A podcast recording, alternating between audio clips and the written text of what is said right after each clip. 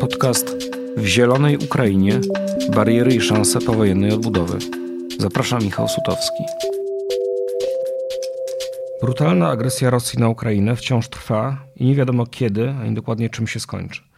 Mimo to Ukrainki i Ukraińcy, podobnie jak mieszkańcy okupowanej przez nazistowskie Niemcy Europy w trakcie II wojny światowej, myślą nie tylko o pokonaniu wroga, ale i o tym, jaka będzie ich ojczyzna w przyszłości.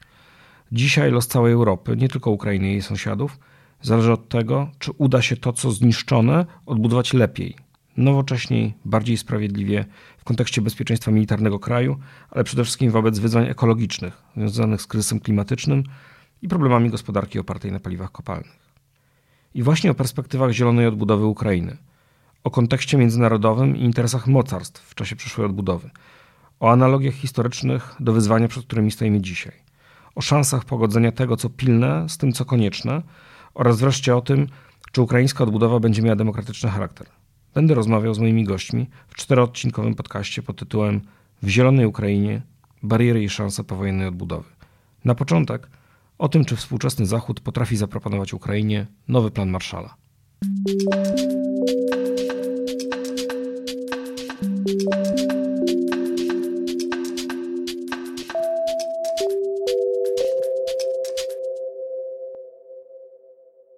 Gościem pierwszego odcinka podcastu w Zielonej Ukrainie jest dr Sebastian Płóciennik, analityk Ośrodka Studiów Wschodnich, specjalista do spraw gospodarki, zwłaszcza gospodarki Niemiec. Dzień dobry. Dzień dobry.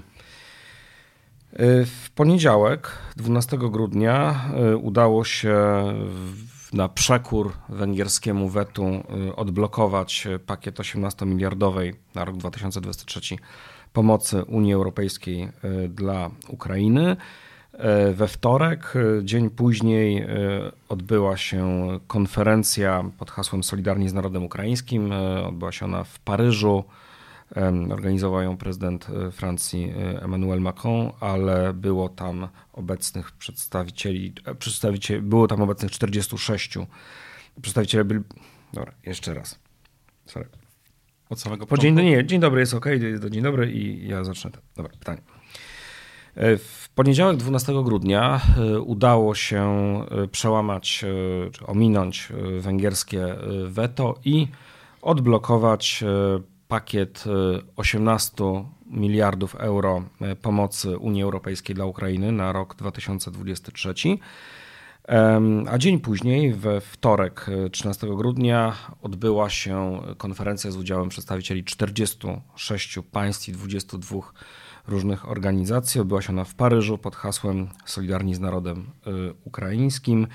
Y, gdzie y, również państwa zadeklarowały różne y, kwoty pomocy dla Ukrainy, takiej bardziej mm, doraźnej w perspektywie najbliższej, najbliższej zimy, w tym, w tym dostawy prądu z Unii Europejskiej.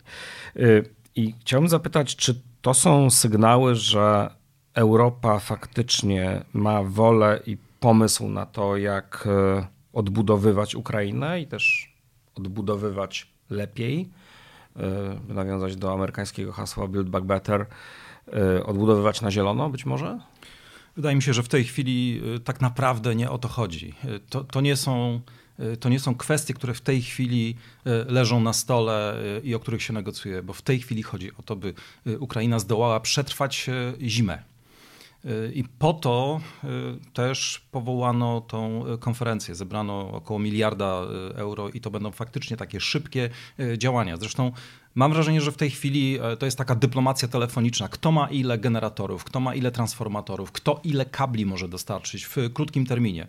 Wręcz ta pomoc e, nie tyle ma charakter już finansowy, nie tyle chodzi o kwoty, co e, o to, kto ile czego ma na magazynie i może natychmiast dostarczyć.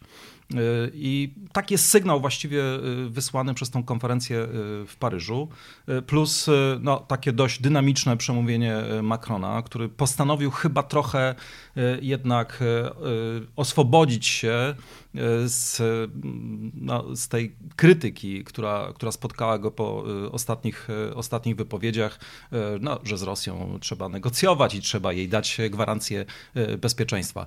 To jest bardzo pozytywny sygnał, bo świadczy o tym, że jest jakaś konkurencja wśród europejskich liderów o to, by jednak być w tej pierwszej linii pomagania Ukrainie. I rozumiem, że niezależnie od tych planów średnio czy długofalowych, tutaj chodzi o to, e, żeby zapewnić e, energię elektryczną, żeby zapewnić ogrzewanie, żeby krótko mówiąc sprawić, że cywile Ukrainy, przede wszystkim cywile, E, no, przetrwają tą obecnie stosowaną przez Rosjan taktykę, czyli rozprowadza się tak naprawdę do takiego terrorystycznego niszczenia infrastruktury energetycznej. Taki jest cel i, i, i też on jest politycznie o wiele łatwiejszy dla państw e, zachodnioeuropejskich.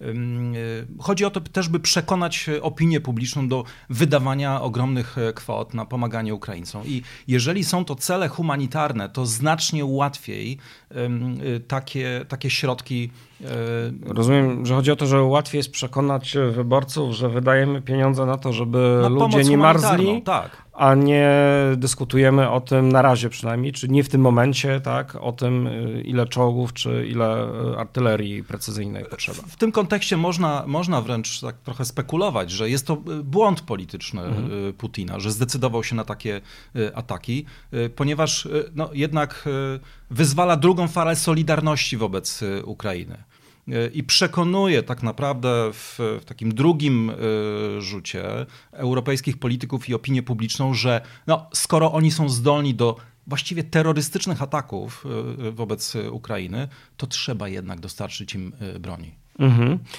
Tak, czyli w tym sensie ten efekt może być pośredni, prawda? Tak. To znaczy, że tutaj rozmawiamy o pomocy humanitarnej, ale w ten sposób zwracamy uwagę na, no, na właśnie na kryzys humanitarny, który jest tą wojną wywołany, tak? Tak. Mhm. Okej. Okay. Mm, ale to jest na teraz, to jest na zimę, to są sprawy ważne, bo yy, zmiana temperatury, zmiana pogody oczywiście przekłada się y, w warunkach y, w zasadzie wyłączenia z użytku nie wiem, po, po, po, połowy y, mocy energetycznych lub więcej w Ukrainie oczywiście przekłada się na to, czy, czy, że ludzie mogą no, nie mieć warunków do przetrwania, do zaspokojenia swoich elementarnych potrzeb. Niemniej cały czas w tle jest pytanie o to, co dalej. To znaczy nie tylko co po wojnie, bo wiemy, że ta wojna może trwać w formie jakiejś mniej lub bardziej zamrożonej jeszcze bardzo, bardzo długo. Czy, y, czy istnieje, y, czy jest na stole gdzieś y, pomysł konkretny, albo czy przynajmniej widać jakieś dyskusje o tym, no właśnie, jak y, odbudować Ukrainę y, po wojnie. Tak? Wiemy, że w historii no, takim naj, najsłynniejszym chyba przypadkiem pomocy y, dla miejsc, dla krajów zniszczonych wojną był plan Marszala z drugiej połowy lat 40., czyli pakiet kredytów udzielanych na korzystnych warunkach e, przez Stany Zjednoczone, w dużej mierze amerykańskim firmom, na odbudowę Europy ze zniszczeń wojennych, na e, rozwój europejskich gospodarek. I on, ten, ten plan miał tak naprawdę służyć kilku celom naraz, to znaczy oczywiście bezpośrednio właśnie odbudować infrastrukturę, e, ale też stworzyć warunki dla spójności społecznej, E, i e, skonsolidować e, sojusz Zachodu. Krótko mówiąc, kilka takich długofalowych celów, celów naraz, albo inaczej, cele takie przekładalne na to, jak żyją ludzie w danym miejscu, w danym momencie, ale też z, z takim kontekstem w tle jak na przykład cały kontynent, czy jego zachodnia część y, ma wyglądać w perspektywie kilku, kilkunastu lat. Czy o czymś podobnym myśli się dzisiaj? Oczywiście, tak, tylko że takie dyskusje toczą się na, y, na poziomie eksperckim, y, mniej na poziomie politycznym, ponieważ no, tutaj trzeba zrozumieć też pewną dynamikę polityczną. Nikt nie chce wysforować się do przodu z wielkimi jednak dość abstrakcyjnymi planami, podczas gdy kluczowe do rozwiązania są bieżące, bieżące kwestie. Natomiast jeżeli szukamy pewnych porównań i takich warunków instytucjonalnych dla takiego programu, no to wydaje mi się, że już w tej chwili je, je widać. Po pierwsze, chodzi o jedność europejską. I to, że Orban ustąpił jednak w sprawie tej pomocy nazwijmy to średnioterminowej do, e, do roku, jest bardzo istotne, bo w tym momencie ta pomoc jest finansowana e, z budżetu, jednak z budżetu unijnego, jako całości Unii, a nie, a nie bilateralnie kredyty, z budżetów państwowych. Tak, a nie poprzez po prostu konwój państw, e, które indywidualnie udzielają takich kredytów, koordynują działania wobec siebie. Więc po pierwsze, mamy tą jedność. Potem warto zwrócić uwagę na kwestię integracji Ukrainy z Unią Europejską. Już mamy y, no, wniosek y, o członkostwo y, i mamy coraz poważniejsze dyskusje o tym, by Ukrainę bardzo szybko włączyć w struktury wspólnego rynku. Czyli już nie chodzi wyłącznie o umowę o wolnym handlu, która w tej chwili obowiązuje w ramach stowarzyszenia, tylko już o swobodę przepływu dóbr, usług, ale też kapitału i osób. I osób. E, plus oczywiście wsparte to wszystko e, no, gigantycznym programem e, odbudowy. To ma stworzyć taką warunkowość dla, dla Ukrainy. Dostaniecie pieniądze, jeżeli przeprowadzicie reformy, które pozwolą wam na zintegrowanie się ze wspólnym rynkiem. I tutaj można nawiązać właśnie do planu Marszala, bo mniej znaną częścią planu Marszala była Europejska Unia Płatnicza. To był taki fundusz, z którego państwa europejskie miały otrzymywać pieniądze pod warunkiem, że zliberalizują bariery handlowe między sobą. Bo po wojnie panował jednak e, no, bardzo restrykcyjny protekcjonizm. Każdy Rozumiem, bronił swoich pieniędzy, swoich twardych walut. W pewnym sensie troszeczkę w, w kontynuacji do tego, co się działo przed jeszcze II wojną światową, bo wtedy pamiętamy z kolei, że reakcją na wielki kryzys przełomu lat 20. i 30. było zamknięcie swoich y, rynków, y, w tym przede wszystkim rynków pracy, ale też rynków y, towarów, no po to, żeby w obliczu kryzysu móc ratować siebie, ratować swoje społeczeństwo, pomagać swoim pracownikom bądź e, swoim e, bezrobotnym. No i jak pamiętamy, przyczyniło się to tak naprawdę do takiego efektu domina, w którym zasada beggar thy neighbor, tak? czyli, czyli, czyli zagłoć mm. sąsiada, nawet jeśli nieintencjonalnie to, to w praktyce zafunkcjonowało. I rozumiem, że zamysł też na tym polegał, tak? to znaczy, żeby E, w sytuacji no jednak powojennego kryzysu, tak, w którym odbudowa jest wielkim wyzwaniem, nie zawsze są wszystkie zasoby dostępne, żeby, e, żeby zarazem państwa nie ratowały się e, kosztem sąsiadów. Tak, czyli chodziło nie tylko o to, by odbudować gospodarki i jednak poprawić sytuację społeczną, tylko również no, zmienić sposób funkcjonowania tych państw w gospodarce międzynarodowej. Mhm. Czyli żeby y, kwestia otwartych granic y, była nie do ruszenia. Dobrze. One musiały to zaakceptować. I jak to, jak to przełożyć na sytuację Ukrainy wobec Unii Europejskiej? Wydaje mi się, że jeżeli taki fundusz w tej chwili jest konstruowany y, i mamy już to założenie, że będzie on jednak y, zbudowany na jedności europejskiej, no to to, jest, y, to są właściwie kryteria kopenhaskie w kolejnej edycji. Być może bardziej restrykcyjne. Być Czyli może... kryteria decydujące o tym, tak. że można było zostać przyjętym do Unii Europejskiej, do które Unii musiała wypełnić Polska. Tak, tylko zapewne skorygowane o to, e, co się właściwie zmieniło w tych paru e, dekadach, jednak od kiedy myśmy, myśmy, myśmy starali się. O... O, o, ortodoksja makroekonomiczna, prawda? Ortodoksja to znaczy, makroekonomiczna. My musieliśmy podlegać bardzo restrykcyjnym regułom tego, no jak, e, jaki może być deficyt, jaki może być dług publiczny, jaki może być poziom inflacji. No i te wskaźniki no, były tworzone na początku lat 90., tak naprawdę, formułowane, opracowywane. No i faktycznie one wyraźnie nie przystają do obecnych, y, do, do, obecnych realiów. To jest jedna rzecz. Kolejna to jest y, deregulacja rynku pracy prowadząca do no jednak ogromnego rozwarstwienia i różnic dochodów, Ukraina właściwie już to przerabiała. Podobnie jak Rosja, podobnie jak wiele innych krajów. I w wielu tych państwach, zresztą również w USA, widzimy skutki uboczne tej polityki. Czyli jednak trzeba je korygować. Nie można traktować ich doktrynalnie. Wydaje mi się, że to też będzie w tym, nazwijmy to roboczo, konsensusie ukraińskim. Może będzie nawet coś takiego jak konsensus kijowski, prawda, po, po, po wojnie. Będzie wielka międzynarodowa konferencja, która powiąże te środki z jakimś zestawem reform instytucjonalnych, które są konieczne, by przyłączyć się do tego, nazwijmy to, nazwijmy to trochę, trochę mm, w cudzysłowie, wolnego świata. Mhm. Czyli jakie warunki muszą być spełnione, żeby do niego e, należeć.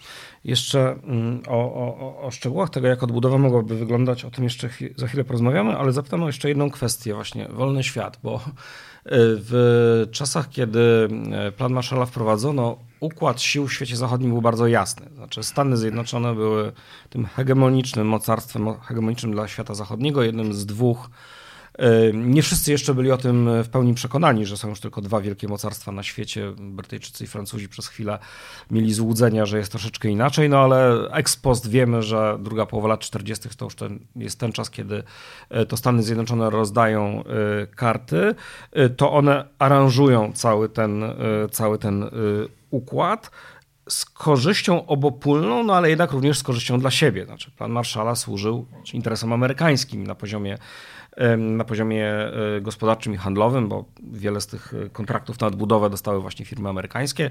No z drugiej strony oczywiście z punktu widzenia strategicznego. I teraz pytanie brzmi, czy w kontekście Ukrainy też mamy do czynienia z taką jednoznaczną sytuacją, że mamy jakiś jeden pod, Zachód jest tak naprawdę jednym podmiotem, który no, zastanawia się oczywiście w ramach pewnych też napięć, różnic interesów nad tym, jak, jak Ukrainę ze sobą zintegrować, jak jej pomóc, jak też na tym samemu e, skorzystać, czy raczej mamy do czynienia no, z jakimiś fundamentalnymi sprzecznościami interesów, tak? Bo tak patrząc nawet powierzchownie, można powiedzieć, że jeśli zobaczymy, jaka jest wizja na przykład gospodarki przyszłej w kontekście kryzysu klimatycznego, amerykańska i wizja niemiecka, to wydaje się, że one jednak są dość rozbieżne. I na przykład mam pytanie, czy, czy, czy, czy widać już jakieś różnice w podejściu do, do Ukrainy, no właśnie po tych liniach, znaczy po liniach interesów wielkich mocarstw, które no, też mają pewne no,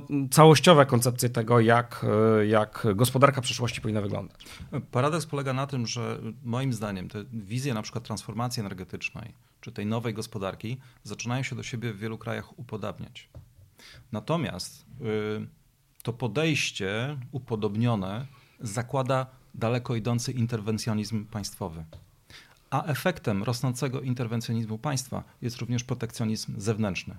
I na granicy będą zderzać się te protekcjonizmy, różne systemy subwencyjne, wspierania zielonych e, technologii, będzie dochodzić do tarć. Czyli to jest przykład e, sporu obecnego na przykład między Francją a Stanami Zjednoczonymi o... Między Niemcami, Stanami Zjednoczonymi, całą Europą, bo dotąd właściwie Amerykanie byli bardzo sceptyczni, jeżeli chodzi o tą, y, nazwijmy to, y, no, przyspieszaną przez państwo transformację energetyczną. No bo rewolucja, spokojnie... łupko, rewolucja łupkowa pomogła im się częściowo rynek, przynajmniej uniezależnić od y, importu. Dokładnie. Rynek wyprodukuje jakieś alternatywy, ale zbytnio nie obciążajmy biznesu. Ważne są miejsca pracy, ważna jest konkurencyjność. Więc ten plan Bidena E, czyli ten Inflation Reduction Act, to jest e, no jednak rewolucja. 400 miliardów przeznaczone na subwencjonowanie i to protekcjonistyczne subwencjonowanie, bo to ma być wsparcie dla amerykańskich, e, amerykańskich firm lub tych, którzy produkują w Stanach. Czyli im więcej, tym więcej pieniędzy, im więcej produkcji zielonych technologii na terytorium Stanów Zjednoczonych. Dokładnie. I w tym momencie Europa się zastanawia, co zrobić. I, I, mamy spór pomiędzy Francją a Niemcami de facto, bo Francja nawołuje mniej lub bardziej otwarcie do retorsji. Mhm. E, do tego, by e, no, albo odpowiedzieć jakimiś krokami handlowymi, to jest akurat mało prawdopodobne. E, Francuzi bardziej chcieliby wprowadzić podobny program w Europie, czyli nowy fundusz odbudowy, nowy, nowy, nowa ogromna pula środków, tym razem przeznaczona nie na walkę z pandemią, tylko na walkę właśnie z kryzysem klimatycznym, ale także z tym protekcjonizmem z innych krajów. Niemcy są bardziej ostrożne. To znaczy Niemcy woleliby na przykład, żeby z Amerykanami się dogadać, stworzyć, wrócić do rozmów o TTIP, czyli północnoatlantyckiej strefie wolnego e, handlu. Oczywiście w Europie budzi to zdziwienie, bo właściwie temat był już niemalże pogrzebany. E, no ale też Niemcy wyraźnie mówią, że nie zgodzą się na kolejny wielki program wydatków fiskalnych. Więc to są takie różne linie tektoniczne, które dzielą tą, tą wspólnotę, ale mam wrażenie, że gdzieś to zmierza do, jakiegoś, do jakiejś nowej ugody, do jakiejś nowej stabilizacji. E, globalizacja nie zniknie, ale zostanie oparta na e, trochę innych e, warunkach. Pewne branże będą wyjęte z tej rynkowej konkurencji, będzie dopuszczony interwencjonizm, będzie dopuszczane subwencjonowanie. Co więcej, cała gospodarka cyfrowa, która daje nam gigantyczny dostęp do danych, pozwala też obliczyć, co tak naprawdę się opłaca i co powoduje jakie efekty zewnętrzne. No w tej chwili jest wielu amerykańskich ekonomistów, którzy twierdzą, że koszty liberalnej e, otwartości były jednak wysokie, tylko że schowane, nie było ich widać. Nawet sama eksplozja protekcjonizmu i populizmu w Stanach Zjednoczonych no, jest też e, no, kosztem. Niewliczony w rachunek ekonomiczny. Dokładnie. bardzo, wszyscy, bardzo wszyscy wiedzą, że trzeba znaleźć tu jakiś konsensus, i w tym momencie e, kwestia Ukrainy, jak ta gospodarka ma wyglądać w przyszłości, na jakich fundamentach ma być zbudowana, jest okazją do bardzo interesującej dyskusji. Jak ma wyglądać właściwie takie e, state building, budowanie nowego państwa, nowego społeczeństwa w tych nowych warunkach innego kapitalizmu, korygującego się.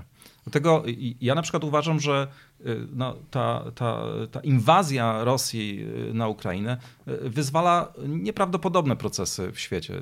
Nikt chyba się nie spodziewał, że po pierwsze ona błyskawicznie przyspieszy transformację energetyczną. To już widzimy w tej chwili. Jest odchodzenie od paliw kopalnych jako nie tylko szkodliwych, ale również po prostu niebezpiecznych dla, dla państw, dla ich suwerenności i niezależności. Prawda?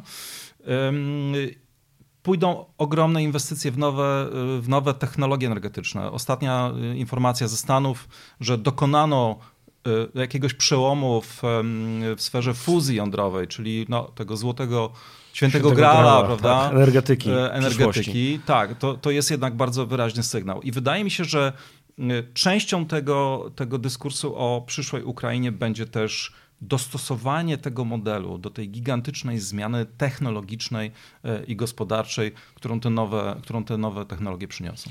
A czy można powiedzieć, że tu to robi różnicę, e, kto będzie miał większy udział w ukraińskiej odbudowie? Czy to będą Stany Zjednoczone, czy to będzie Europa? A może w ogóle nie ma jednej Europy, tylko właśnie znowu są państwa narodowe, które mają no, odmienne, e, zmierzające wszystkie w kierunku zielonej transformacji, ale jednak odmienne pomysły na to, no, jak, jak, jak, jak, gospodarka ma wyglądać? To jest bardzo interesujące pytanie i wydaje mi się, że Ukraińcy zdają sobie sprawę, że będą musieli tutaj stąpać po cienkiej linie, po, ponieważ z jednej strony no, y, dotychczas, czy przynajmniej do niedawna, bo ponoć w tej chwili ta pomoc europejska już jest większa, ale jednak pomoc amerykańska była największa i jakościowo najważniejsza. To były te dostawy broni.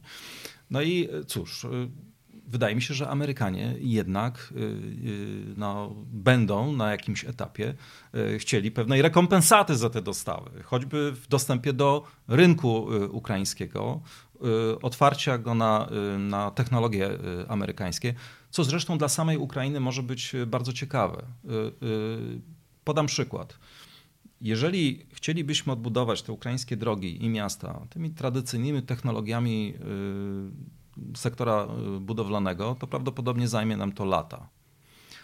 Ale y, jeżeli dofinansowana zostanie branża drukarek 3D budowlanych, y, które gdzieś tam punktowo w różnych krajach są różne startupy, produkują, Y, pokazują, że to jest możliwe. Jeżeli one dostaną ogromne środki i pojawi się ten efekt skali, to Ukraina może być tutaj faktycznie rewolucją. I tutaj przewagę będą moim zdaniem mieli y, Amerykanie. To jest jeden punkt, ten amerykański y, czynnik przyciągania, prawda?